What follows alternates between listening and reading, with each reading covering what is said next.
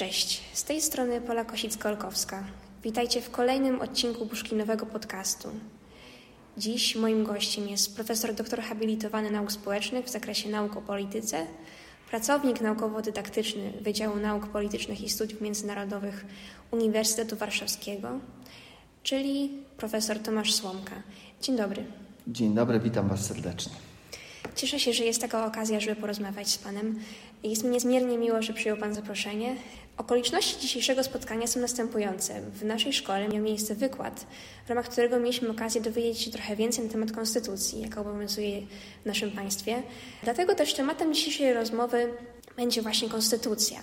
Wiem doskonale, że do zainteresowań Pana należy konstytucja i konstytucjonalizm współczesny, więc ciekawi mnie, dlaczego wybrał Pan ten obszar wiedzy jako zakres Państwa badań? Muszę powiedzieć, że od, od, niepamiętnych czasów, od młodych lat interesowało mnie to, jak jest zorganizowane państwo, jak ono działa, po co zostało powołane, jakie ma funkcje, po co jest władza. Na pewno obydwoje rozumiemy doskonale, że władza to jest niezwykle pociągający temat i jest ona czasem nawet otoczona takim nimbem tajemnica, więc szczególnie jako młodego człowieka mnie to interesowało. Oczywiście droga była kręta do tego, bo zacząłem od technikum, stałem się najpierw chemikiem, a potem dopiero politologiem ze specjalnością konstytucyjną. No ale właśnie, dlaczego konstytucja? Konstytucja to jest serce i dusza każdego państwa. Ja tutaj powtarzam taki cytat za profesorem Bruce'em Ackermanem, wybitnym zachodnim konstytucjonalistą, który mówi, że bez konstytucji, bez właściwej konstrukcji ustrojowej państwo nie będzie właściwie funkcjonować, a ludzie nie będą mogli znaleźć wspólnoty. Wspólnota jest wtedy tylko możliwa, kiedy dobrze działają reguły, które ją tworzą. No i właśnie konstytucja jest taką podstawową regułą. A więc jestem trochę, można powiedzieć, takim chirurgiem od serca, tylko że tym sercem jest konstytucja, a jeszcze dodatkowo można by powiedzieć, że w naszym polskim przypadku jest to ciekawe pojęcie, problematyka ze względu takiego, że przechodziliśmy transformację ustrojową i właściwie przechodzimy transformację ustrojową. Dla niektórych, którzy żyją w ustabilizowanych, starych demokracjach z długimi tradycjami konstytucyjnymi, może się to wydawać coś, czymś oczywistym, czymś y, codziennym, czymś naturalnym, że konstytucja działa, że, że są prawa i wolności, że instytucje mają takie, a nie inne funkcje i kompetencje, a u nas jednak jest ta dynamika przemian. Ciekawe jest to, że my na co dzień możemy uczestniczyć w kreowaniu jakiejś części porządku konstytucyjnego. Niestety przeżywać też liczne kryzysy i szukać wyjaśnień, ale to jest właśnie fascynujące, że ta konstytucja no właśnie żyje, podlega pozytywnym i negatywnym zjawiskom, ale wciąż pozostaje czymś do, do odkrywania. Wspomniał Pan przed chwilą o negatywnych i pozytywnych zjawiskach, jakie podlega konstytucja. Jak mógłby Pan opisać te negatywne i pozytywne aspekty? Co jest dla Pana tym negatywnym aspektem?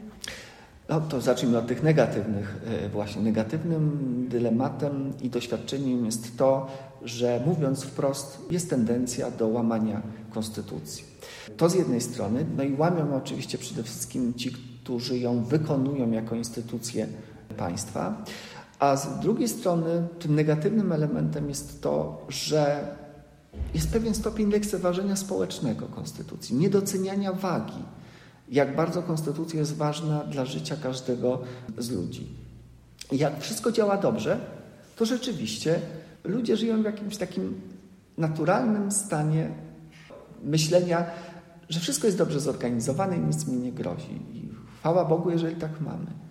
Ale kiedy dochodzi do jakiegoś kryzysu, to wtedy dopiero dowiadujemy się, że warto było znać konstytucję, że warto było zapoznać się z tym, jak chronić się na przykład przed władzą, która nie lubi demokracji, która ma tendencję do naruszania praw i wolności. A więc reasumując, to przede wszystkim łamanie konstytucji, okrążanie konstytucji przez władzę i lekceważenie konstytucji przez ludzi. To są te negatywne elementy. A pozytywne to jest to, można powiedzieć trywialnie, że konstytucja po prostu jest że mamy pewność, że jest jakiś element, kluczowy element w tym porządku, który pokazuje, jak mamy funkcjonować. Jak mamy się zorganizować? Dzięki czemu możemy uciec od czegoś, co swego czasu taki myśliciel, już kilka wieków temu e, żyjący, Thomas Hobbes e, pisał o stanie natury, że e, człowiek człowiekowi wilkiem jest i że ludzie niezbyt dobrze korzystają ze stanu swojej bezgranicznej wolności, że dopiero pojawienie się państwa może poukładać te relacje i zapobiec nieszczęściu. No i właśnie przenosząc to na dzisiejsze czasy, konstytucja jest czymś takim, co zapobiega egoizmom, zapobiega walkom, zapobiega konfliktom, a przynajmniej powinna być tym elementem, który zapobiegnie tym wszystkim negatywnym relacjom międzyludzkim. W Pana wypowiedzi padły słowa dotyczące tego, że bardzo niepokojące są takie e, zachowania lekceważenia naszego najważniejszego dokumentu, czyli Konstytucji. W jaki sposób możemy przeciwdziałać takiemu lekceważeniu? Jako my, jako obywatele, jako uczniowie. Najlepiej jest chyba tak, jak zrobiliśmy to dzisiaj i jak pewnie tutaj z paniami profesor, z panami profesorami robicie na wielu e, zajęciach. Po prostu edukacja. Prawdę mówiąc, e, może zaskoczę takim określeniem, że życia w ramach pewnego porządku konstytucyjnego my uczymy na wielu przedmiotach i wielu sytuacjach. To nie jest wbrew pozorom tylko wiedza o społeczeństwie, która najbardziej się kojarzy z tą, z tą kwestią, ale zajęcia z historii, które uczą i układają pewną wiedzę o przeszłości, ale jednocześnie pokazują, co kultywować, a czego być może unikać z tej historii. W tym również, co sprawdzało się w porządku państwowym, a co się nie sprawdzało. Historia jest absolutnie doskonałą nauczycielką tego typu. Ale również chociażby na języku polskim, kiedy poznajecie pewien kanon lektur, a ten kanon lektur przynosi też bardzo poważną wiedzę o tym, jak żyje, żyło, żyje i żyć powinno społeczeństwo e, i państwo. W bardzo wielu przecież lekturach takie wzorce są i takie ideały są pokazane. A więc podsumowując, wiedza z różnych dziedzin, zebrana, skumulowana, daje nam bardzo silne rozeznanie, jak żyć w państwie i społeczeństwie, co jest dopuszczalne, co jest niedopuszczalne, gdzie są granice, jak zrozumieć te granice, gdzie powstrzymać władzę.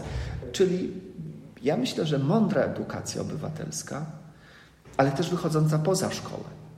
Bo chociażby, gdy popatrzeć na Waszą aktywność, przecież Jestem przekonany, wiem o tym, że jesteście aktywni na różnych polach, nie tylko w szkole, że są różnego rodzaju stowarzyszenia, są fundacje, działacie w wolontariatach, pomagacie innym ludziom. To też jest pole do pewnej edukacji. Wy też możecie wyjść ze swoją wiedzą na zewnątrz i pokazać tym, którzy albo już skończyli edukację, albo byli bardzo oporni, że można ich zainteresować pewną rzeczą, że można im coś ciekawego powiedzieć, chociażby w roku wyborczym, przekonać ich do tego, że warto iść na wybory, że warto głosować, że warto kreować tę władzę, która przecież będzie załatwiała nasze wspólne sprawy. I będę uparcie nudny w tym e, podejściu. Edukacja na każdym polu, nienachalna, nietoporna, ale taka proobywatelska, przyjazna, zachęcająca edukacja może zrobić cuda.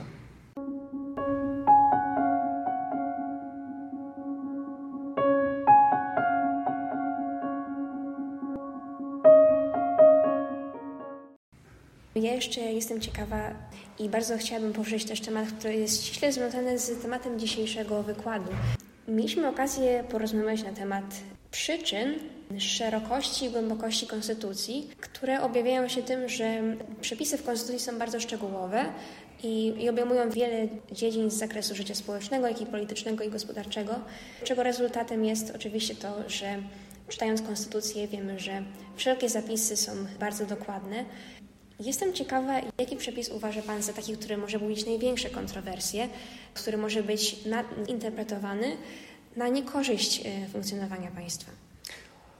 O, muszę powiedzieć, że takich przepisów e, mogłoby być sporo. To znaczy, z jednej strony, oczywiście, że każdy przepis ma swój powód, swoje pochodzenie. My to ładnie nazywamy taką wykładnią teleologiczną, że patrzymy na przepis pod kątem tego, po co on został właściwie stworzony, co chciano osiągnąć poprzez stworzenie takiego e, przepisu. No ale jak tworzymy taki nawet przepis w dobrej wierze, a będzie on źle zinterpretowany, no to może budzić duże wątpliwości albo no, czynić szkodę po prostu.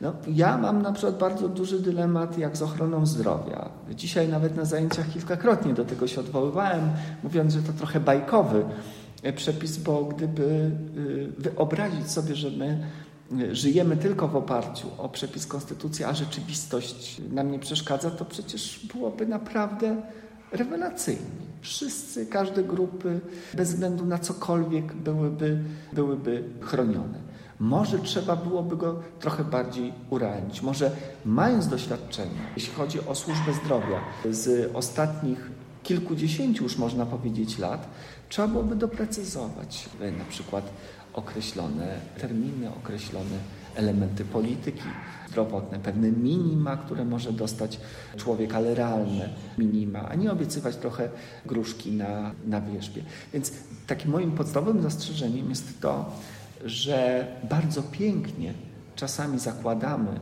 różne rozwiązanie, a trochę to się rozjeżdża rzeczywistością. Dziękuję bardzo za rozmowę. Cieszę się, że mieliśmy okazję porozmawiać. Był to dosyć krótki odcinek, ale wierzę, że w przyszłości, kiedy będziemy mieć okazję jeszcze porozmawiać, najprawdopodobniej już w Warszawie, nasza rozmowa będzie mogła jeszcze e, być kontynuowana, być może już na inny temat, ale także ściśle związane z konstytucją. Jeszcze raz bardzo dziękuję za rozmowę i mam nadzieję, że do zobaczenia. Do zobaczenia. Ja dziękuję za bardzo miłą i serdeczną gościnę w Państwa szkole.